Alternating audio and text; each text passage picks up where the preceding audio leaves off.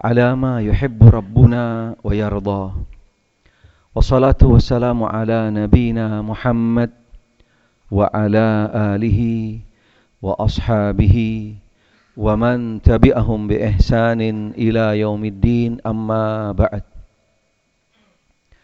سبحانك لا علم لنا إلا ما علمتنا إنك أنت العليم الحكيم.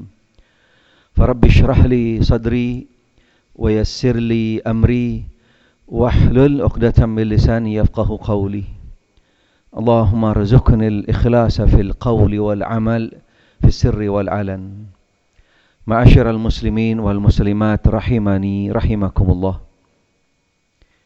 Ikhwan akhwat rahimani rahimakumullah Bapak Ibu sekalian jamaah salat duhur yang mudah-mudahan senantiasa dirahmati oleh Allah Subhanahu wa taala.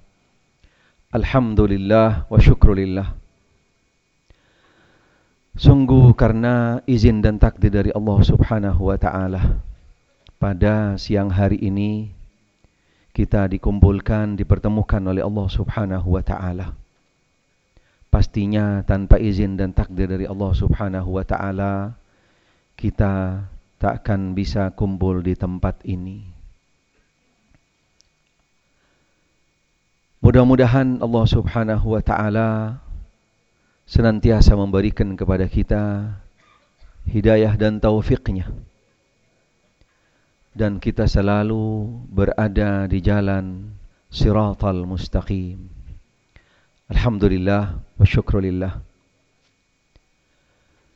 Pada siang hari ini kita masih berada di bulan Al-Muharram. Walaupun kita sudah lalui daripada 10 hari yang pertama daripada bulan Al-Muharram. Kita masuk 10 hari yang kedua. Tetapi paling tidak kita masih tetap berada di bulan Al-Muharram. Pastinya bulan Al-Muharram bukan pertama kali kita dengar. Menjadi salah satu daripada bulan Hijriyah yang insya Allah cukup familiar dari kita, di antara kita. Selain bulan Ramadan tentunya. Tetapi kembali kepada bulan Al-Muharram itu sendiri, Mohon maaf masih banyak saudara-saudara kita umat Islam. Bahkan ada yang sebagian bisa dikategorikan keluar daripada ajaran Islam. Yang mereka belum paham dengan hakikat Al-Muharram. Tidak memahami sebenarnya tentang bulan Al-Muharram sehingga bulan Al-Muharram yang sudah setiap tahun datang menghampiri kita, bahkan mayoritas dari kita sudah mengenalnya sebenarnya, tetapi tidak memahami hakikat yang sebenarnya tentang bulan Al-Muharram. Sehingga masih banyak terjadi yang dilakukan oleh sebagian daripada saudara-saudara kita umat Islam dan juga yang lainnya yang bisa dikategorikan keluar daripada ajaran Islam yang menurut mereka menganggapnya adalah ingin berbuat sesuatu terhadap bulan Muharram, memberikan andil terhadap bulan Al-Muharram. Tetapi mereka salah dan tidak tepat, akhirnya keluar daripada tuntunan yang datang dari agama. Sehingga bukan yaitu mensyiarkan bukan mengangkat daripada Al-Muharram itu sendiri, malah mereka jatuh kepada perkara yaitu mengotori, memberikan catatan terhadap bulan Al-Muharram, bahkan sampai menodai terhadap bulan Al-Muharram. Dan ini masih banyak dilakukan oleh saudara-saudara kita umat Islam dalam tanda kutip. Pastinya kalau kami sampaikan semua daripada poin-poin yang kembali kepada penodaan terhadap bulan Al-Muharram, pastinya waktunya tidak akan cukup. Karena beberapa hari kemarin kami juga bahas tentang masalah ini. Waktunya hampir lebih dari satu jam setengah. Kami kupas satu persatu daripada setiap bentuk-bentuk penodaan terhadap bulan Al-Muharram. Yang itu mungkin sebatas yang mungkin kami ketahui. Walaupun ternyata masih banyak sekali catatan-catatan yang ada di dalam bulan Al-Muharram. Yang sebenarnya yaitu menjadi penodaan terhadap bulan Al-Muharram. Sebagian kami akan coba bacakan secara global dan khususnya penodaan yang insya Allah akan menjadi materi kita khusus pada siang hari ini yaitu penodaan yang memang sangat masif yang terjadi di bulan Al-Muharram bahkan yang dengan kekuatan media kadang-kadang bisa menjadi sangat identik dengan bulan Al-Muharram. Padahal sama sekali itu tidak terkait dengan yaitu bulan Al-Muharram.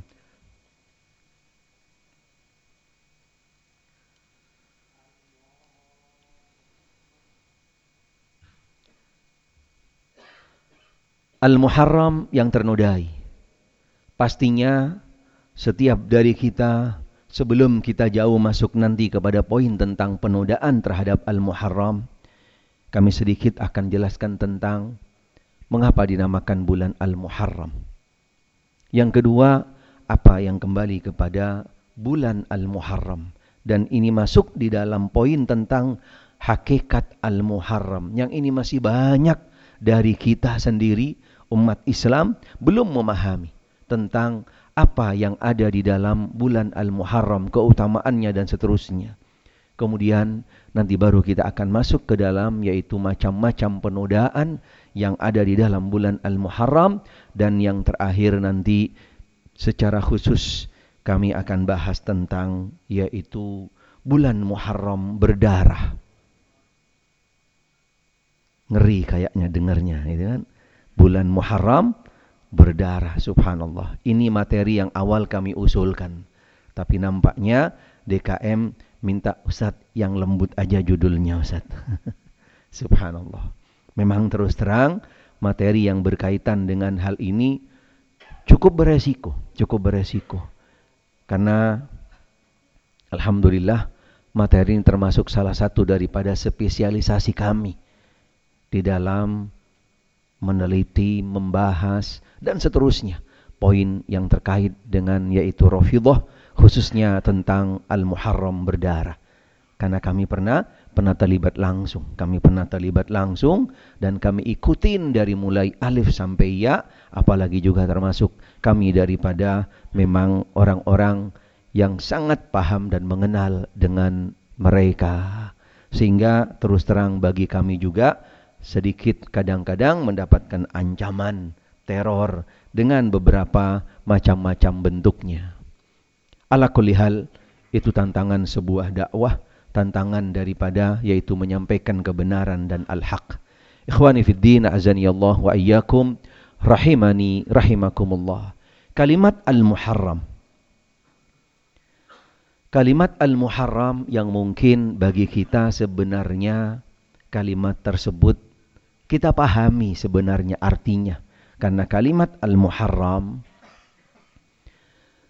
kosa katanya tidak jauh berbeda daripada kalimat haram yang artinya adalah dilarang. Dilarang atau dicegah.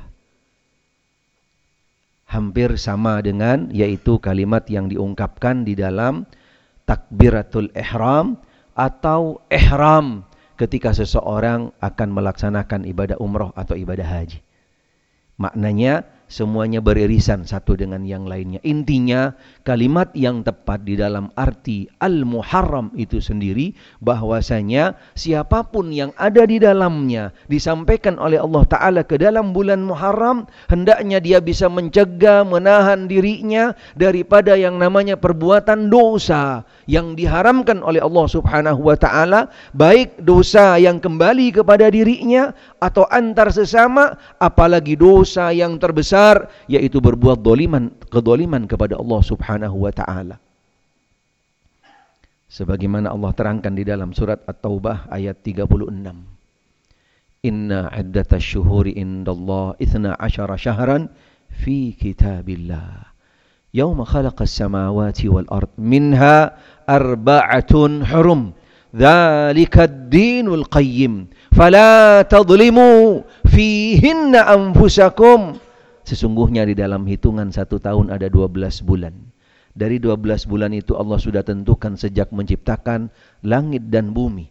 Dari empat bulan tersebut ada empat bulan yang dinamakan dengan bulan-bulan al-haram. Salah satunya adalah bulan al-muharram. Kemudian Allah tekankan di dalam bulan-bulan tersebut dalikad dinul qayyim. Itulah ketentuan yang tegas, yang lurus, yang datang di dalam agama. Sehingga Allah himbau Allah ingatkan fala tadlimu fihinna anfusakum. Jangan sekali-kali kamu sekalian berbuat kedoliman berbuat kedoliman di dalam bulan-bulan tersebut termasuk juga di bulan Al-Muharram. Ini kolerasi antara penamaan Al-Muharram dengan hakikat yang ada di dalam bulan Al-Muharram itu. Selain sebagian ulama juga memberikan definisi Al-Muharram, baik Muharram itu sendiri dan juga yang empat lainnya atau tiga yang lainnya sebagai bulan yang mulia, bulan yang agung. Keutamaan bulan Al-Muharram sangat banyak sekali. Sangat banyak sekali. Karena bulan yang dimuliakan, bulan yang diagungkan oleh Allah bulan yang memiliki nilai berbeda, amal ibadah di dalamnya bagi pelakunya diberikan pahala berbeda oleh Allah Ta'ala daripada bulan-bulan yang lain. Karena dijelaskan dalam tafsir Al-Imam Ibn Kathir rahimahullah, di dalam riwayat disebutkan riwayat daripada Abdullah bin Abbas, Imam tafsir, imam para ahli tafsir, beliau menjelaskan bahwasanya Allah Ta'ala bisa melipat gandakan pahala pelaku amal soleh di dalamnya pelaku amal soleh di dalamnya dilipat gandakan pahala oleh Allah subhanahu wa ta'ala. Dan ini kembali kepada rumus yang secara umum di dalam melakukan sebuah amal ibadah. Amal soleh ketaatan kepada Allah akan bisa naik peringkat ibadah pahalanya karena beberapa sebab. Karena sebab keutamaan waktu. Karena sebab keutamaan tempat. Karena sebab pelakunya Allah Ta'ala bisa angkat nilai sebuah ibadah memiliki pahala yang berbeda ketika dilakukan di waktu, di tempat, dan siapa pun pelakunya. Termasuk pelaku amal soleh di bulan Al-Muharram, Allah akan angkat nilai pahalanya dilipat gandakan oleh Allah Subhanahu wa taala. Tetapi bukan sekedar amal ibadah, bukan sekedar ketaatan, bukan dituntut di dalamnya adalah yaitu sekedar kuantitas tapi yang dicari yang menjadi kode etik daripada setiap amal ibadah adalah ibadah yang kualitas yang tepat yang dinamakan di dalam bahasa Al-Qur'an yaitu ibadah yang ahsan ini yang akan memberikan nilai lebih kepada seseorang di dalam melakukan amal soleh di dalamnya. Yang kedua juga diriwayatkan daripada Abdullah bin Abbas. Kekhawatiran beliau ketika Allah subhanahu wa ta'ala memberikan peluang sebuah amal soleh ketaatan akan dilipat gandakan pahala oleh Allah karena sebab waktu dan tempat dikhawatirkan pelaku dosa orang-orang yang melakukan dosa di dalamnya walaupun wallahu alam kami lebih condong bahwasanya tidak dilipat gandakan dosanya tapi dibesarkan dosanya. Sebagian ulama ada yang mengatakan dilipat gandakan dosanya tapi kami kurang condong wallahu alam. Kami lebih condong kepada pendapat yang dikatakan daripada Abdullah bin Abbas. Beliau berpendapat dibesarkan dosanya. Tafkhimul ithim dibesarkan dosanya. Itu kembali kepada keutamaan daripada bulan Al-Muharram. Nilai ibadah ditingkatkan. Orang-orang pelaku pelaku amal soleh di dalamnya akan diberikan nilai berbeda. Di dalamnya ada ibadah yang utama daripada bulan-bulan yang lain yaitu ibadah puasa. Dan ibadah puasanya juga terbatas. Bukan sekedar berpuasa, juga sudah dikembalikan kepada tuntunan yang tepat yang benar yaitu dengan melakukannya Asyura saja atau Tasu'a dan Asyura ketika berkaitan dengan bulan Al-Muharram. Tapi ada panduan amalan puasa yang lainnya yang sifatnya rutin tiap bulan boleh dilakukan di bulan Al-Muharram yaitu kembali kepada ayyamul bid pastinya karena ibadah yang utama di bulan Al-Muharram dijelaskan oleh para ulama berdasarkan hadis Nabi sallallahu alaihi wa alihi wasallam afdhalus siyami ba'dal fardhati syahrullahil muharram paling utamanya ibadah yang dilakukan oleh seseorang yaitu puasa ibadah puasa setelah bulan Ramadan berpuasa di bulan Al-Muharram. Keutamaan-keutamaan yang lainnya banyak yang kembali kepada bulan Al-Muharram. Intinya cukup satu legalitas yang diberikan oleh Allah kepada bulan Al-Muharram dijadikan daripada bulan-bulan yang mulia bulan yang punya nilai lebih di dalam ibadah. Sehingga keutamaan ini sudah tidak membutuhkan lagi dengan sebuah yang namanya pengangkatan-pengangkatan atau disiarkan atau juga dibesar-besarkan oleh umat Islam dalam tanda kutip dengan tujuan untuk mengangkat-ngangkat bulan Al-Muharram, mengenalkan bulan Al-Muharram, mensyiarkan bulan Al-Muharram dan seterusnya. Karena ketika hal-hal yang tadi yang sifatnya adalah tidak sesuai dengan tuntunan akan mengeluarkan daripada yaitu keutamaan al-muharram bukan malah akan mengangkat tapi akan kembali kepada penodaan terhadap bulan al-muharram. Contohnya penyambutan bulan al-muharram dengan disambut misalnya selamat tahun baru. Tidak benar tidak butuh bulan Muharram disambut dengan ungkapan-ungkapan, ucapan-ucapan selamat tahun baru dan seterusnya. Tidak butuh. Karena Al-Muharram sudah Allah yang menjelaskannya. Allah yang memberikan kedudukan. Karena penyambutan-penyambutan seperti itu tidak dibenarkan. Bukan mengangkat nilai Al-Muharram, malah menyamakan Al-Muharram dengan bulan-bulan miladi. Tidak mungkin. Itu bulan-bulan milik siapa dan ini bulan-bulan dari mana asal usulnya. Tidak mungkin disamakan. Bukan malah mengangkat daripada nilai Al-Muharram, malah merendahkan daripada keutamaan bulan bulan Al-Muharram. Cukup Allah yang sudah mengangkat derajat memberikan nilai lebih kepada Al-Muharram tidak butuh daripada siapa pun untuk pengucapan selamat tahun baru dan seterusnya apa pun bentuknya dengan image-image dengan di-share dan seterusnya tentang bulan bulan Al-Muharram. Yang kedua, bulan Al-Muharram mohon maaf, tidak perlu disambut dengan yang namanya pawai-pawai, apalagi dengan pawai-pawai yang enggak benar, yang enggak jelas, campur laki perempuan, mungkin juga ngalangin jalan, bikin rame di jalan, bikin macet, apalagi sampai bawa-bawa obor. Subhanallah. Dari mana? Ajaran siapa ini? Tuntunan yang mana? Tolong buktikan. Tolong sampaikan. Ketika apa yang anda lakukan ini akan mengangkat nilai Al-Muharram. Sama sekali tidak.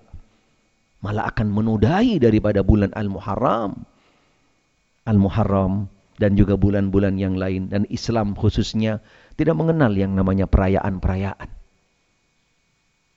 Apalagi dengan disambut pakai yang namanya obor. Api.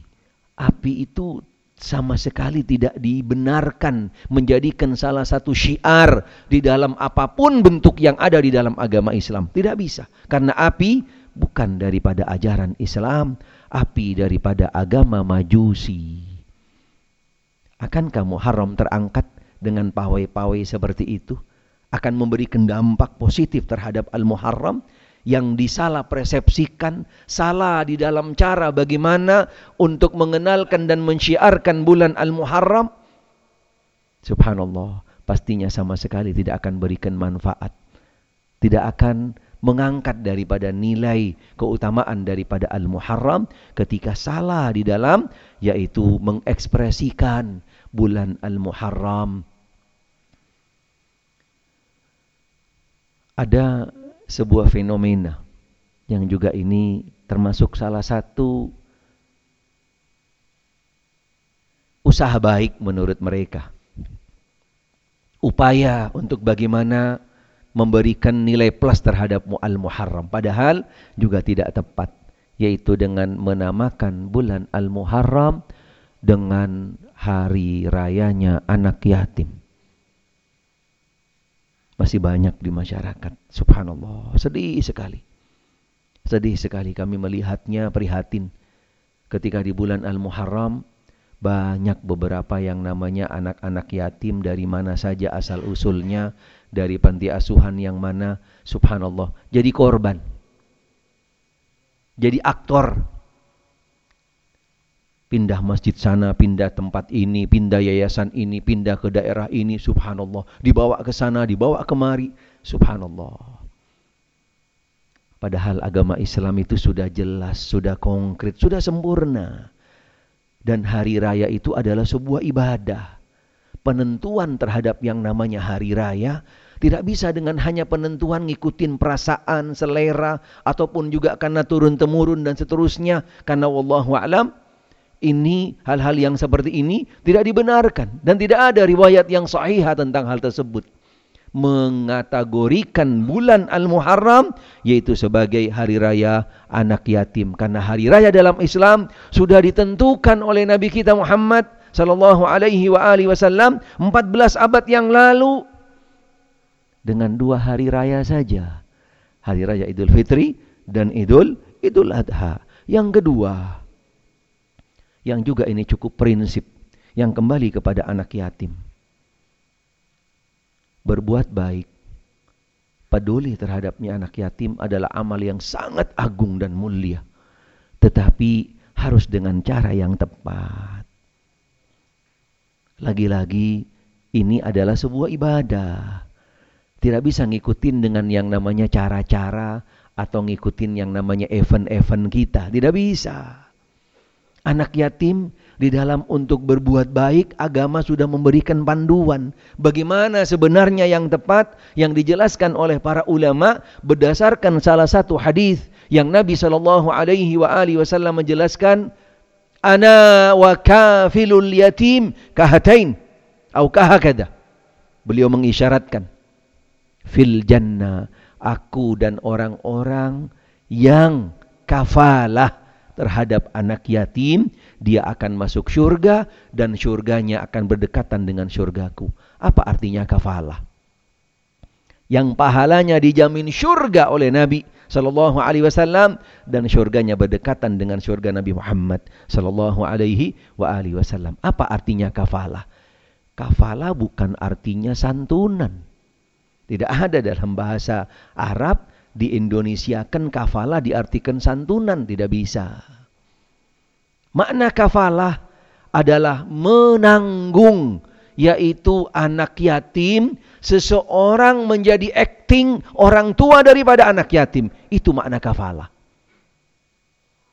Bukan seperti santunan yang sering kita ikutin atau kita dengar selama ini diundang 150 anak yatim ke salah satu event acara, disiapin amplop, nanti panitia berdiri di depan, dipanggil anak yatim satu-satu maju ke depan, dikasih amplop, disalamin, diusap palanya. Setiap anak yatim paling tidak melalui beberapa panitia, 5 sampai 10 panitia, masing-masing ngusap palanya. Tuh anak yatim turun dari panggung, keliengan palanya. Subhanallah. Bukan seperti ini. Tidak ada agama Islam menganjurkan seperti ini di dalam berbuat baik kepada anak yatim. Tidak pernah. Ini termasuk bentuk eksploitasi terhadap anak yatim. Anak yatim salah satu daripada peluang yang akan mengantarkan pelakunya ke dalam surga Allah. Selama pelakunya tepat dan benar di dalam menjalankan tuntunan berbuat baik kepada anak yatim.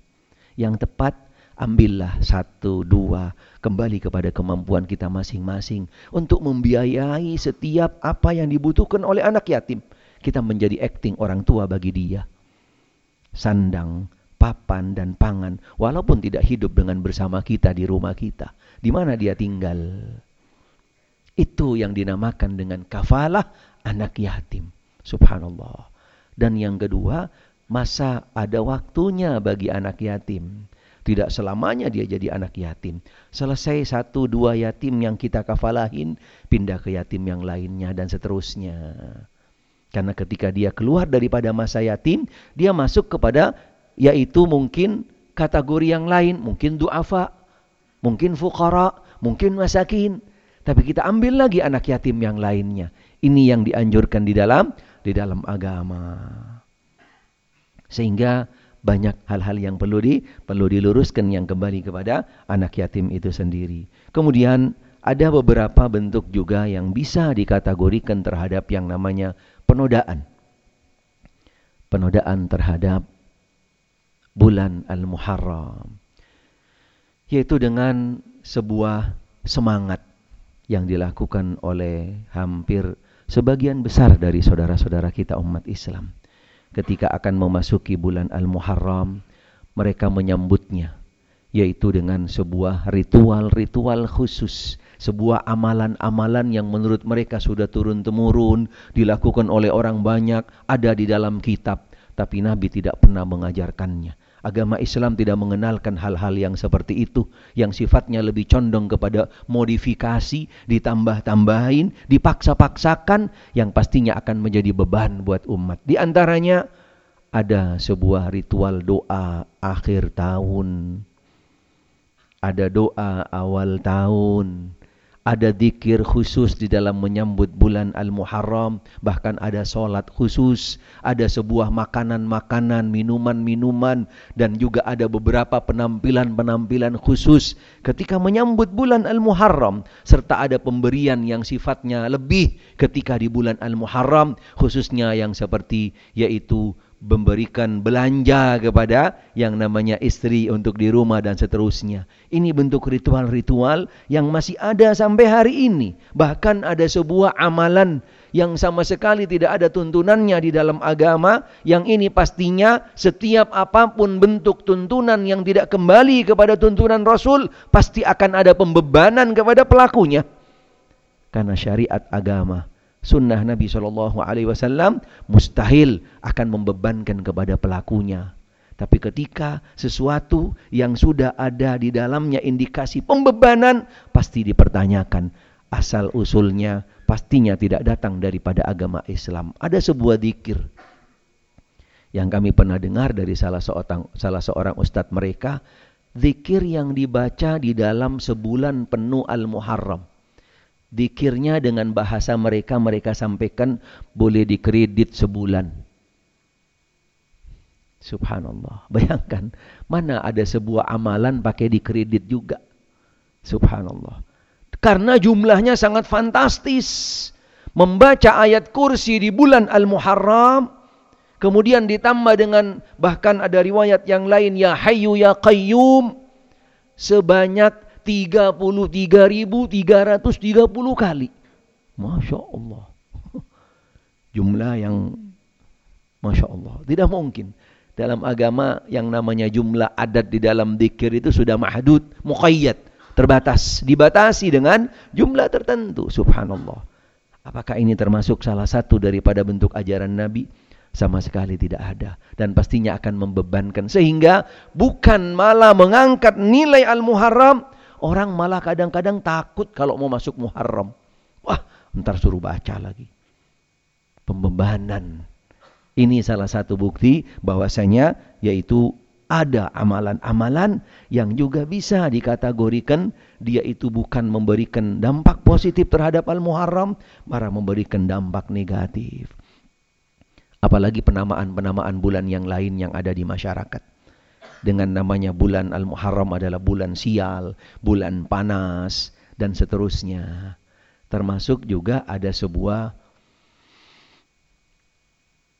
kultur mungkin tepatnya yang ini juga rutin dijalankan di bulan Al-Muharram sampai hari ini yang memberikan nama bulan Al-Muharram yaitu kembali kepada penamaan bulan mistik.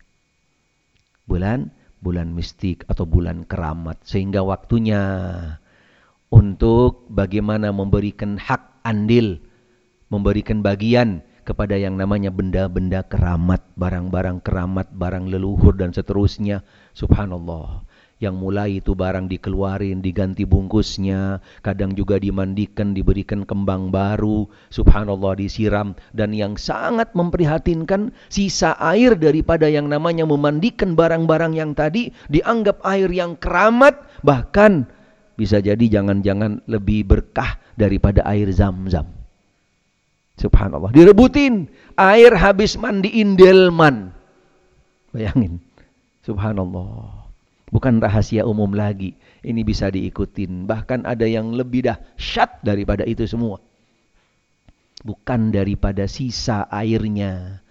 Tapi diperebutkan di salah satu kota. Subhanallah. Yaitu kotoran dari binatang. Kotoran binatang diperebutkan. Yang binatang itu tidak dikeluarkan, tidak diarak. Kecuali dikeluarkan di bulan Al-Muharram. Karena mereka menganggap itu binatang keramat. Subhanallah. Ini di bulan Al-Muharram.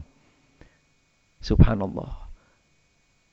Zaman yang sudah digitalisasi, global dan seterusnya. Subhanallah. Masih ada orang yang nyembah kerbau. Bukan sampai nyembah, berebut yang namanya kotorannya. Innalillah wa inna ilaihi raji'un. Na'udzubillah min dalik. Yang mungkin nggak pernah terjadi zaman jahiliyah dulu. Zaman jahiliyah paling mereka bikin Tuhan dari kurma dimakan tuh Tuhannya. Paling itu aja gitu kan. Tapi kalau sekarang kotoran hewan diperebutkan. Kami pernah mengikuti di salah satu media TV, sudah cukup lama sebenarnya. Salah satu daripada kotor daripada keturunan hewan tersebut meninggal. Subhanallah. Bagaimana proses penguburannya? Luar biasa dahsyat. Kami lihat ketika mati itu hewan, subhanallah, dimandikan layaknya manusia. Dimandikan, dikasih air kembang, kemudian dikafanin, kemudian digotong, kemudian dikubur. Subhanallah, terakhir orang-orang yang ada di sekitarnya mendoakan.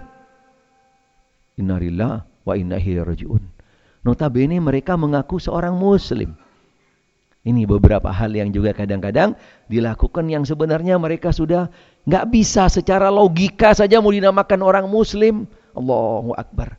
Innalillah wa inna ilaihi rajiun. Banyak lagi hal-hal yang lain yang sebenarnya yang kembali kepada penodaan bulan Al-Muharram.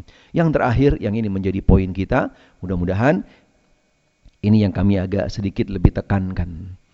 Kembali kepada bulan Al-Muharram yang dianggap oleh kelompok. Dan kelompok ini pastinya sudah dikenal di kita semua.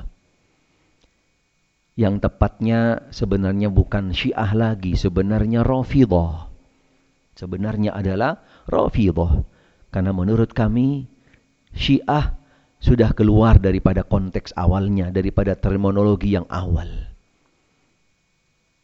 Karena dengan apa yang mereka lakukan semakin jelas bahwasanya penamaannya bukan Syiah lagi. Bukan Syiah, tapi Rafidah. Ketika di bulan Al-Muharram, mereka sejak daripada jauh-jauh hari sudah mempersiapkan segala sesuatunya. Mempersiapkan segala sesuatunya untuk memasuki yang namanya bulan Al-Muharram. Karena bagi mereka dan mereka selalu berdoa, berharap setiap bulan adalah bulan Muharram, setiap hari adalah hari Karbala. Itu yang ada di dalam obsesi mereka, yang ada dalam mindset mereka, yang ada di dalam akidah ajaran mereka. Tiada hari tanpa dengan Karbala, tiada bulan kecuali bulan Al-Muharram. Sehingga ketika sampai puncaknya di bulan Al-Muharram, pastinya ekspresi mereka akan dahsyat, Luar biasa mereka akan luapkan bentuk ekspresinya terhadap bulan Al-Muharram pastinya dengan penodaan. Menganggap bulan Al-Muharram adalah bulan waktunya untuk meratap, berkabung, bersedih dengan ritual-ritual khusus yang mereka lakukan di setiap harinya. Di setiap harinya. Dan puncaknya yaitu dilakukan pada tanggal 10 kemudian mereka lanjutkan dengan hari-hari yang berikutnya yaitu tetap dengan rintihan atau ratapan, kesedihan, berkabung, berduka dan seterusnya. Mereka lakukan persiapan di antaranya dari mulai yaitu dengan beberapa ritual-ritual khusus yang mereka lakukan. Dari mulai mereka persiapkan acara-acara khusus Bahkan sampai ada pakaian-pakaian khusus. Ada beberapa bentuk persembahan-persembahan khusus yang mereka persiapkan untuk sampai kepada hari puncaknya yaitu tanggal 10 Al-Muharram. Mereka sejak tanggal 1 Al-Muharram mereka sudah mulai menunjukkan yang namanya ekspresi dengan kesedihan, dengan ratapan berduka berkabung dengan menggunakan yang namanya pakaian hitam. Nah, tapi insya Allah nggak curiga yang hitam hari ini nggak curiga insya Allah sih, insya Allah. Tapi Allah alam. Mohon maaf, kami lihat mukanya saja kenal itu Syiah atau tidak. Insya Allah mudah-mudahan sebatas yang kami lihat karena nggak dekat, insya Allah aman semuanya nggak ada. Tapi setiap kami ketika akan ngisi kajian yang berkaitan dengan Syiah, kami kenalin muka satu-satunya. Karena mereka punya ciri khas sendiri. Punya ciri khas sendiri mukanya, pakaiannya. Mudah dikenal untuk yang memang terbiasa untuk bisa mengetahui mereka. Insya Allah walaupun banyak yang hitam, insya Allah aman, insya Allah. Tapi jaket, untungnya jaket gitu kan. Kebanyakan jaket. Alhamdulillah. Ala itu yang mereka lakukan. Dan sejak tanggal 1, mereka sudah persiapkan. Dari mulai pakaian hitam, peci hitam. Peci, peci hitam. Setiap harinya mereka ada beberapa doa-doa khusus yang mereka lakukan. Yang mereka persiapkan. Sampai kepada puncaknya acara, yaitu pada tanggal 10 Al-Muharram.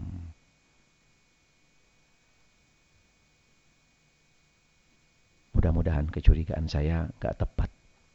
Mudah-mudahan gak tepat kecurigaan saya. Nampaknya ada sinyal. Wallahu a'lam. Antum lebih tahu. Ketika tanggal 10 mereka buat acara besar. Mereka buat acara besar, mereka berkumpul walaupun awalnya dari tanggal 9 karena kami pernah ikut. Karena kami pernah ikut, kami pernah hadir dan kami pernah meliput dan alhamdulillah sebagai bahan dan ini yang otentik dan tidak semuanya bisa hadir. Waktu kami jadi mahasiswa di Pakistan tahun 95-an kami sampai bisa meliput dengan handycam walaupun awalnya mereka tanya dulu siapa ente? Dari mana? Alhamdulillah muka diterima oleh mereka. Alhamdulillah. Modal muka, muka diterima. Alhamdulillah. Yang kedua mereka tanya. Subhanallah. Kami sempat kaget. Bagaimana syahadatnya? Ini harus pandai, harus kita juga punya strategi. Maksud Anda syahadat yang begini, yang begini, yang begini, saya tahu. Tapi kami nggak mengucapin syahadat tersebut. Tidak mengucapkan syahadat, syahadat tersebut. Karena syahadat mereka berbeda dengan umat Islam. Tidak mungkin. Apa pun alasan mereka, nggak bisa dipercaya. Karena mereka punya yang namanya yaitu tutup kartu. Ditutup dengan bentuk yang namanya taqiyah. Itu ibadah luar biasa bagi mereka. Untuk menghadapi siapa saja daripada yang namanya umat, sebelum mereka pastikan dia adalah golongan dia, baru itu kartunya dibuka. Kalau antar sesama umat Islam di mana saja siapa pun mereka, mustahil dia akan mengatakan, akan membuka jati diri mereka yang asli. Sehingga mereka selalu tutupin dengan yang namanya taqiyah dan itu ibadah. Semakin tinggi tingkat takiyahnya seseorang dari mereka kepada ahli sunnah atau tepatnya kepada orang Islam, mereka akan semakin besar mendapatkan pahala. Sehingga ketika kami liput, kami ikutin acaranya dari mulai pagi sampai menjelang maghrib. Subhanallah. Dari mulai tanggal 9 sampai tanggal 10. Setiap hari kami ikutin. Anehnya, subhanallah, mereka dari mulai yang namanya pagi sampai terbenam matahari, subhanallah, nggak ada yang namanya sholat. Subhanallah, nggak ada. Sholat berjamaah aja nggak ada. Subhanallah. Apalagi mau sholat sendiri-sendiri. Tidak ada bagi mereka. Subhanallah. Kami sendiri ikut di dalamnya. Walaupun kami sholat. Jangan dikira nggak sholat juga. Kami sholat gitu kan. Kami sholat. Di hari berikutnya juga subhanallah tambah dahsyat. tambah dahsyat acaranya lebih besar karena sampai kepada puncaknya. Hari pertama mereka dengan ritual doa, dengan pawai-pawai, membawa bendera-bendera besar yang isinya di dalamnya adalah tentang yang namanya intinya kembali kepada Al-Husain. Intinya kembali kepada Al-Husain. Semua berujung kepada Al Al Husain, cucu Nabi sallallahu alaihi wa alihi wasallam radhiyallahu taala an. Padahal Husain sendiri cuci tangan, lepas tangan dari apa pun bentuk acara yang mereka lakukan, keyakinan dan seterusnya daripada apa yang mereka lakukan. Karena tidak mungkin Al Husain cucu Nabi berbeda dengan kakeknya Rasulullah sallallahu alaihi wa alihi wasallam. Ketika di tanggal 10 Al Muharram mereka mulai persiapan yaitu dengan acara puncak yang acara tadi yang dinamakan dengan Muharram berdarah. Diawali bentuk kesedihan yaitu dengan yaitu mereka dibacakan beberapa kisah-kisah tentang tragedi daripada Garbala yang akan sampai menyebabkan semua yang hadir dan silahkan bisa di browsing itu kan bisa dilihat dari setiap yang ada pada mereka pasti mereka awalnya seperti itu. Dengan bersedih kemudian nangis kemudian sampai kepada tingkatan mukul dada. Mukul dada kadang mukul pipi kadang jambak rambutnya pakaiannya dirobek-robek dan seterusnya mereka ekspresikan sebagai bentuk kesedihan bela sungkawa terhadap wafatnya Al-Husain radhiyallahu an. Sampai pada akhirnya ratapan kesedihan duka tadi itu kepada puncak yaitu dengan meneteskan darah. Dan itu bentuk berkabung kesedihan ratapan yang paling tinggi dan pahalanya paling besar menurut mereka.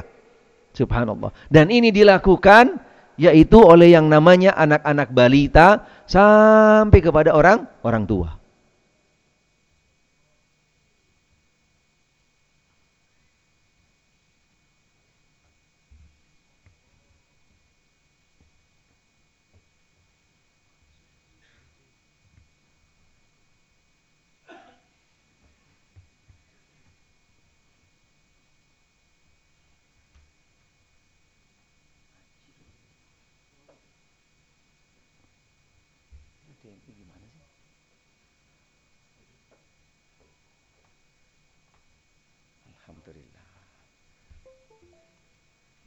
Tayangkan sedikit tentang acara mereka di bulan Al-Muharram.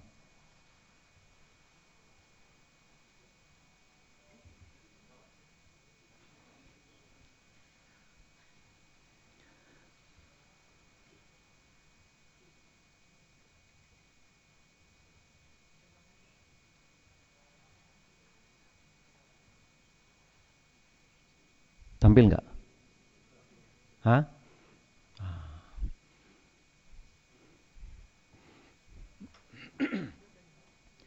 Yang mereka tunjukkan ekspresinya dari mulai anak kecil balita sampai orang-orang dewasa dan kami melihat sendiri melihat langsung bagaimana orang tua pada antri pegang anak-anaknya pegang anak-anaknya untuk dikorbankan atau dibuktikan yaitu dengan tadi yaitu dengan apa namanya mengucurkan darah dari mulai kepalanya, kadang di tangannya, di pundaknya, di punggungnya. Dan itu benar-benar mereka lakukan, subhanallah sebagai bukti menurut mereka bahwasanya itulah bentuk bela sungkawa. Sebagai bentuk bela sungkawa. Yaitu sebagai bentuk bela sungkawa yang mereka lakukan ketika di dalam acara belum tampil juga. Padahal apa yang mereka lakukan adalah sebuah bentuk kebodohan. Bentuk kebodohan dan juga tidak paham dengan agama yang sebenarnya. Tidak paham dengan dengan agama yang sebenarnya. Sehingga apa yang mereka lakukan sama seperti yang kami sampaikan tadi, yang kami jelaskan tadi yaitu dengan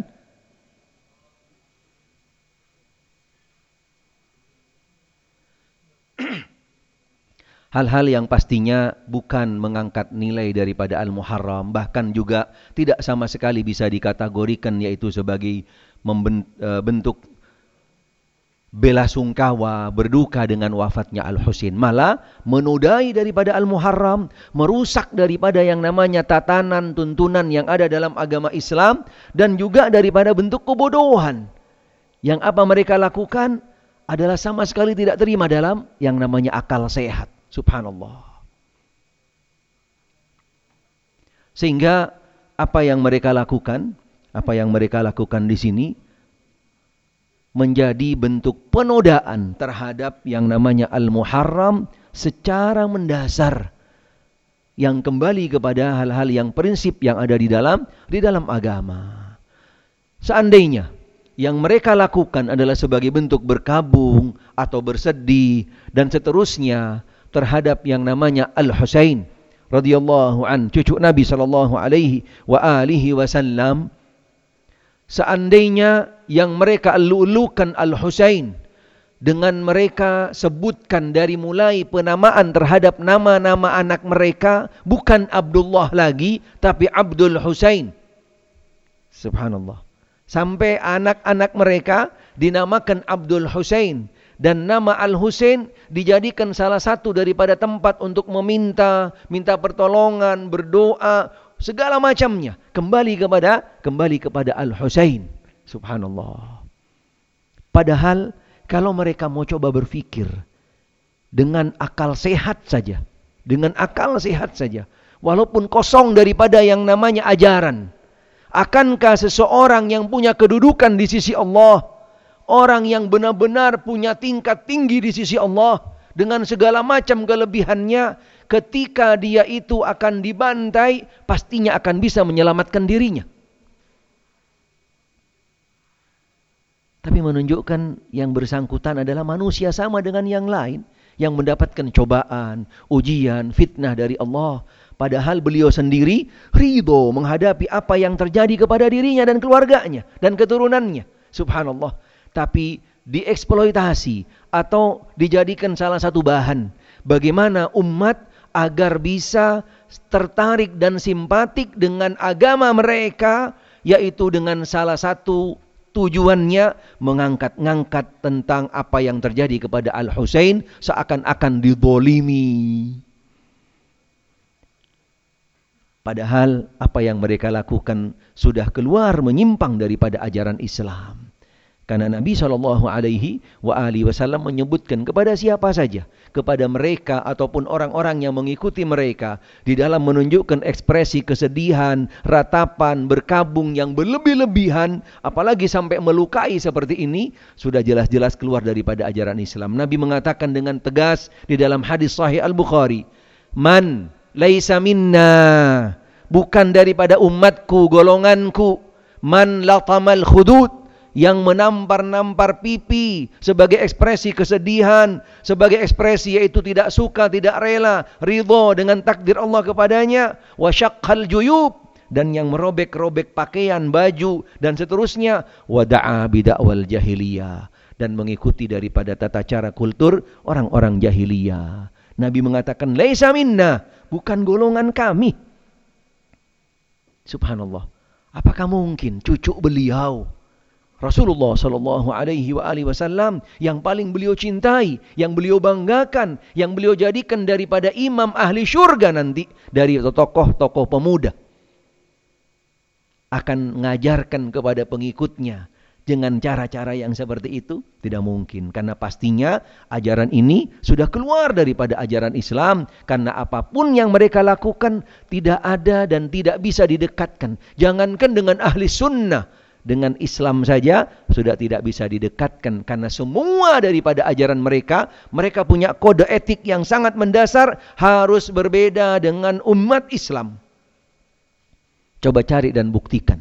Kalau ada satu ibadah saja yang mereka ada di ajaran mereka sama dengan umat Islam, tolong buktikan.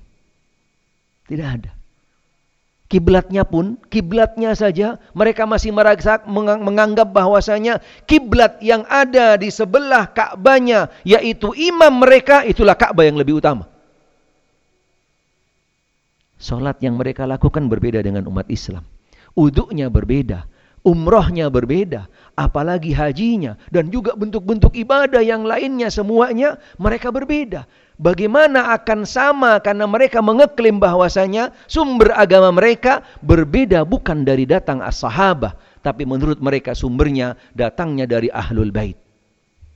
Bisa disamakan? Apalagi mereka mengeklaim bahwasanya mereka punya Al-Quran sendiri, punya sumber hadis sendiri Lalu masih banyak sebagian dari kita menganggapnya hanya sekedar dengan perbedaan madhab, perbedaan pemahaman. Tidak mungkin. Karena mereka sebenarnya adalah secara utuh berdiri sebagai agama Rafidah. Sehingga yang tepat dan yang benar bukan bertentangan dengan ahli sunnah wal jamaah. Tapi keluar daripada ajaran Islam. Keluar daripada ajaran ajaran Islam. Ini dia bentuk-bentuk tadi yang kami sebutkan itu ada anak kecil, lihat ada anak kecil yang berdarah-darah, subhanallah. Ini sebagian kecil dari sekian banyak ritual yang mereka lakukan. Karena dengan semakin banyak seseorang yang mengucurkan darah menurut mereka semakin besar. Catatan yang pertama tadi yang kami sampaikan, seandainya Al-Husain tahu, seandainya Al-Husain bisa menyelamatkan dirinya, pasti dia akan menghindar. Tapi karena beliau selaku manusia juga mendapatkan yang namanya cobaan dan ujian. Yang kedua, seandainya di dalam agama ada sebuah ritual ibadah yang harus setiap umat Islam, umat Muhammad untuk menunjukkan ekspresi kesedihan, ratapan berkabung, Akankah bentuk tersebut dilakukan kepada cucunya? Padahal seharusnya kita lakukan kepada kakeknya. Muhammad sallallahu alaihi wa alihi wasallam yang beliau juga mati karena didolimi. Pastinya seharusnya dilakukan kepada beliau bukan kepada cucunya. Adakah cucu lebih utama dari kakek? Ini di dalam kacamata agama tentunya. Karena kakeknya adalah seorang nabi dan rasul. Pastinya setiap umat Islam di hari kematian rasul wafatnya beliau. Kita harus bersedih dan berkabung. Tapi para as-sahabat radhiyallahu taala anhum tidak ada satupun dari mereka yang berkabung dengan wafatnya Nabi sallallahu alaihi wa wasallam. Walaupun di dalam riwayat yang palsu sekalipun. Karena Nabi Shallallahu Alaihi Wasallam tidak pernah mengajarkan hal tersebut. Ini yang menjadi catatan yang besar yang kembali apa yang mereka yang mereka lakukan. Sehingga penodaan terhadap bulan Al-Muharram yang sangat luar biasa bentuk penodaannya yaitu apa yang dilakukan oleh agama Rafidah oleh agama Rafidah terhadap Al-Muharram dan juga kepada agama Islam secara secara umum. Sehingga dengan beberapa catatan yang kami sudah sampaikan tadi, kita nggak perlu ragu lagi, nggak perlu pakai abu-abu, tidak perlu sifatnya tidak tegas di dalam hal ini. Harus kita bisa memposisikan dengan tegas, dengan jelas, terang-terang bahwasanya agama Rafidah dengan tidak menunjuk yang namanya personal, kita menunjuk kepada agama tersebut yang punya keyakinan begini-begini, punya ritual-ritual begini-begini adalah agama yang berdiri sendiri di luar daripada agama Islam. Itu yang harus kita yakini dan ini menjadi prinsip daripada yaitu ajaran Islam, akidah ahli sunnah wal jamaah. Allahu a'lam. Silahkan mungkin ada yang perlu dipertanyakan karena sudah jam 1 lewat 5, mohon maaf. Silahkan kalau tidak ada itu mungkin yang bisa kami sampaikan pada pertemuan kali ini yang mungkin karena waktunya sangat terbatas. Padahal tentunya masih banyak lagi materi-materi yang lain yang ingin kami sampaikan khususnya berkaitan dengan poin yang terakhir. Mudah-mudahan apa yang kami sampaikan bisa menjadi ilmu yang bermanfaat khususnya buat diri kami dan juga buat jamaah sekalian. Yang benar datangnya dari Allah Ta'ala, yang salah dari diri kami. Ada pertanyaan mas? Ada? Ada oh, silakan mas. Tanyanya gini Ustaz. Assalamualaikum warahmatullahi wabarakatuh. Ustaz. Apa ciri-ciri paling mudah mengenali seseorang itu Syiah dan sudah sejauh mana penetrasi Syiah di Indonesia? Serta bagaimana meredam pergerakan mereka? Itu tiga pertemuan, Mas.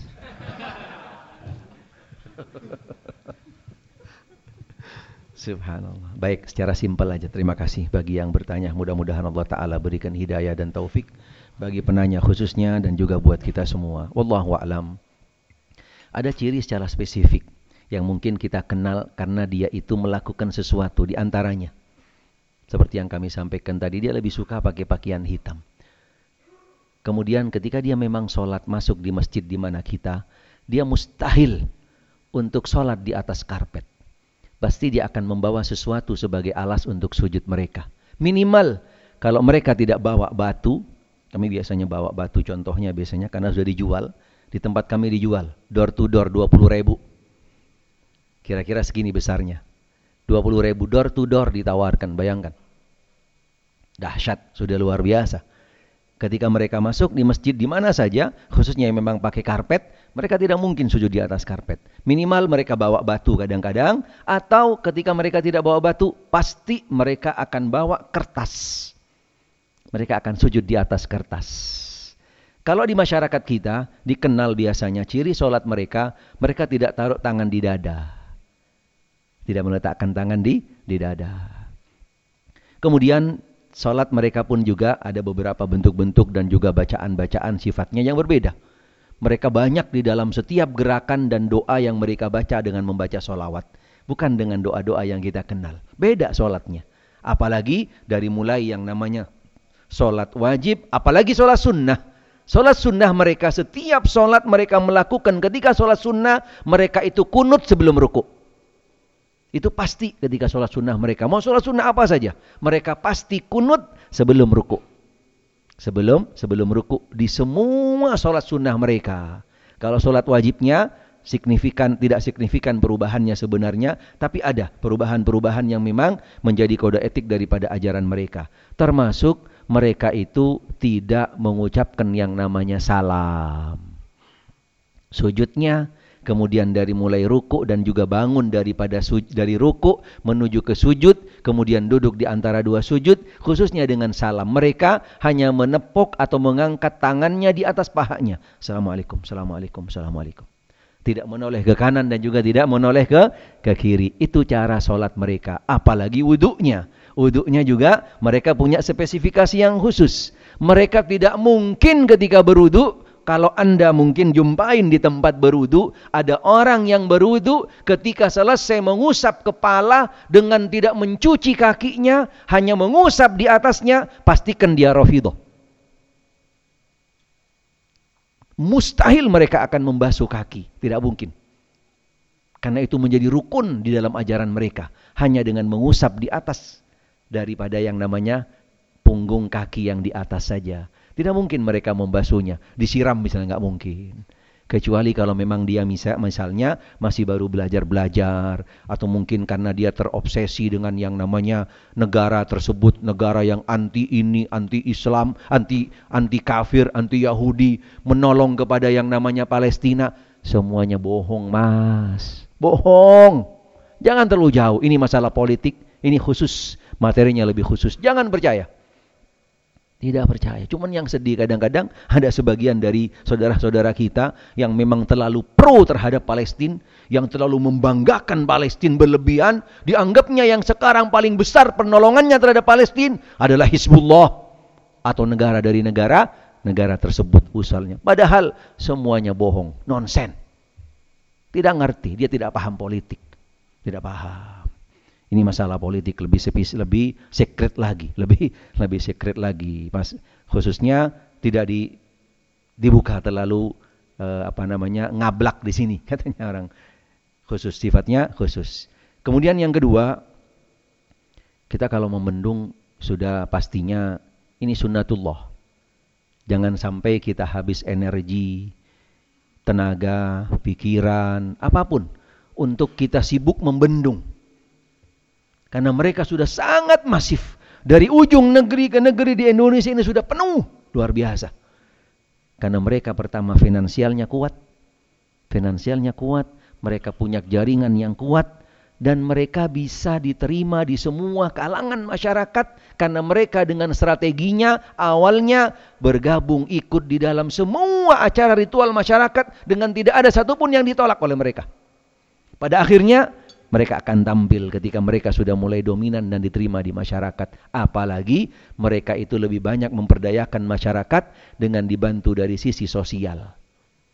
Subhanallah. Karena mereka finansialnya di tempat kami, subhanallah, door to door dibantu mas. Apalagi yang namanya janda dikasih per bulan. 500 sampai 800 ribu. Benar, silahkan buktikan. Ini bukan bukan istilahnya bukan cerita, tidak. Terbukti. Kemudian yang ketiga tadi uh, intinya di Indonesia Allah alam kami perlu apa namanya sampaikan datanya sebenarnya tapi paling tidak kami dari beberapa kawan yang memang konsen di dalam hal ini kami diberi tugas untuk mengenal, memahami sekaligus tadi mendata teritorial mereka. Teritorial mereka, khususnya yang di DKI yang cukup besar. Subhanallah dari DKI di Jakarta Timur yang sangat luar biasa dahsyat mereka. Kemudian di Indonesia di Jawa Timur dan juga di Indonesia bagian timur. Cukup besar. Mereka punya tanah besar di salah satu Indonesia Timur dan mereka akan prediksikan nanti menjadi planning mereka mereka akan buat yaitu seperti Islamic Center besar di sana. Subhanallah. Dan mereka cukup besar dan kuat biayanya, cukup kuat biayanya apalagi Oh nggak perlu di sini sebutkan bahaya. Ini beresiko. Taib ala kulli hal intinya ada beberapa poin-poin yang memang sekarang mereka semakin berani. Mereka semakin berani, mereka unjuk gigi, bahkan mereka sudah merasa leluasa. Subhanallah, karena mereka sudah bisa gabung. Mereka gabung, mereka berada di belakang, yaitu yang namanya Allahu a'lam. Baik. Taib, mudah-mudahan itu yang bisa kami sampaikan. Mudah-mudahan cukup insyaallah. Taib. Kita tutup dengan doa kafaratul majlis. Subhanakallahumma bihamdik, syadu an la ilaha illa anta astaghfiruka wa atubu ilaik. Wa sallallahu wasallam ala Muhammad wa alihi wa sahbihi wasallam. Walhamdulillahi rabbil alamin. Wassalamualaikum warahmatullahi wabarakatuh.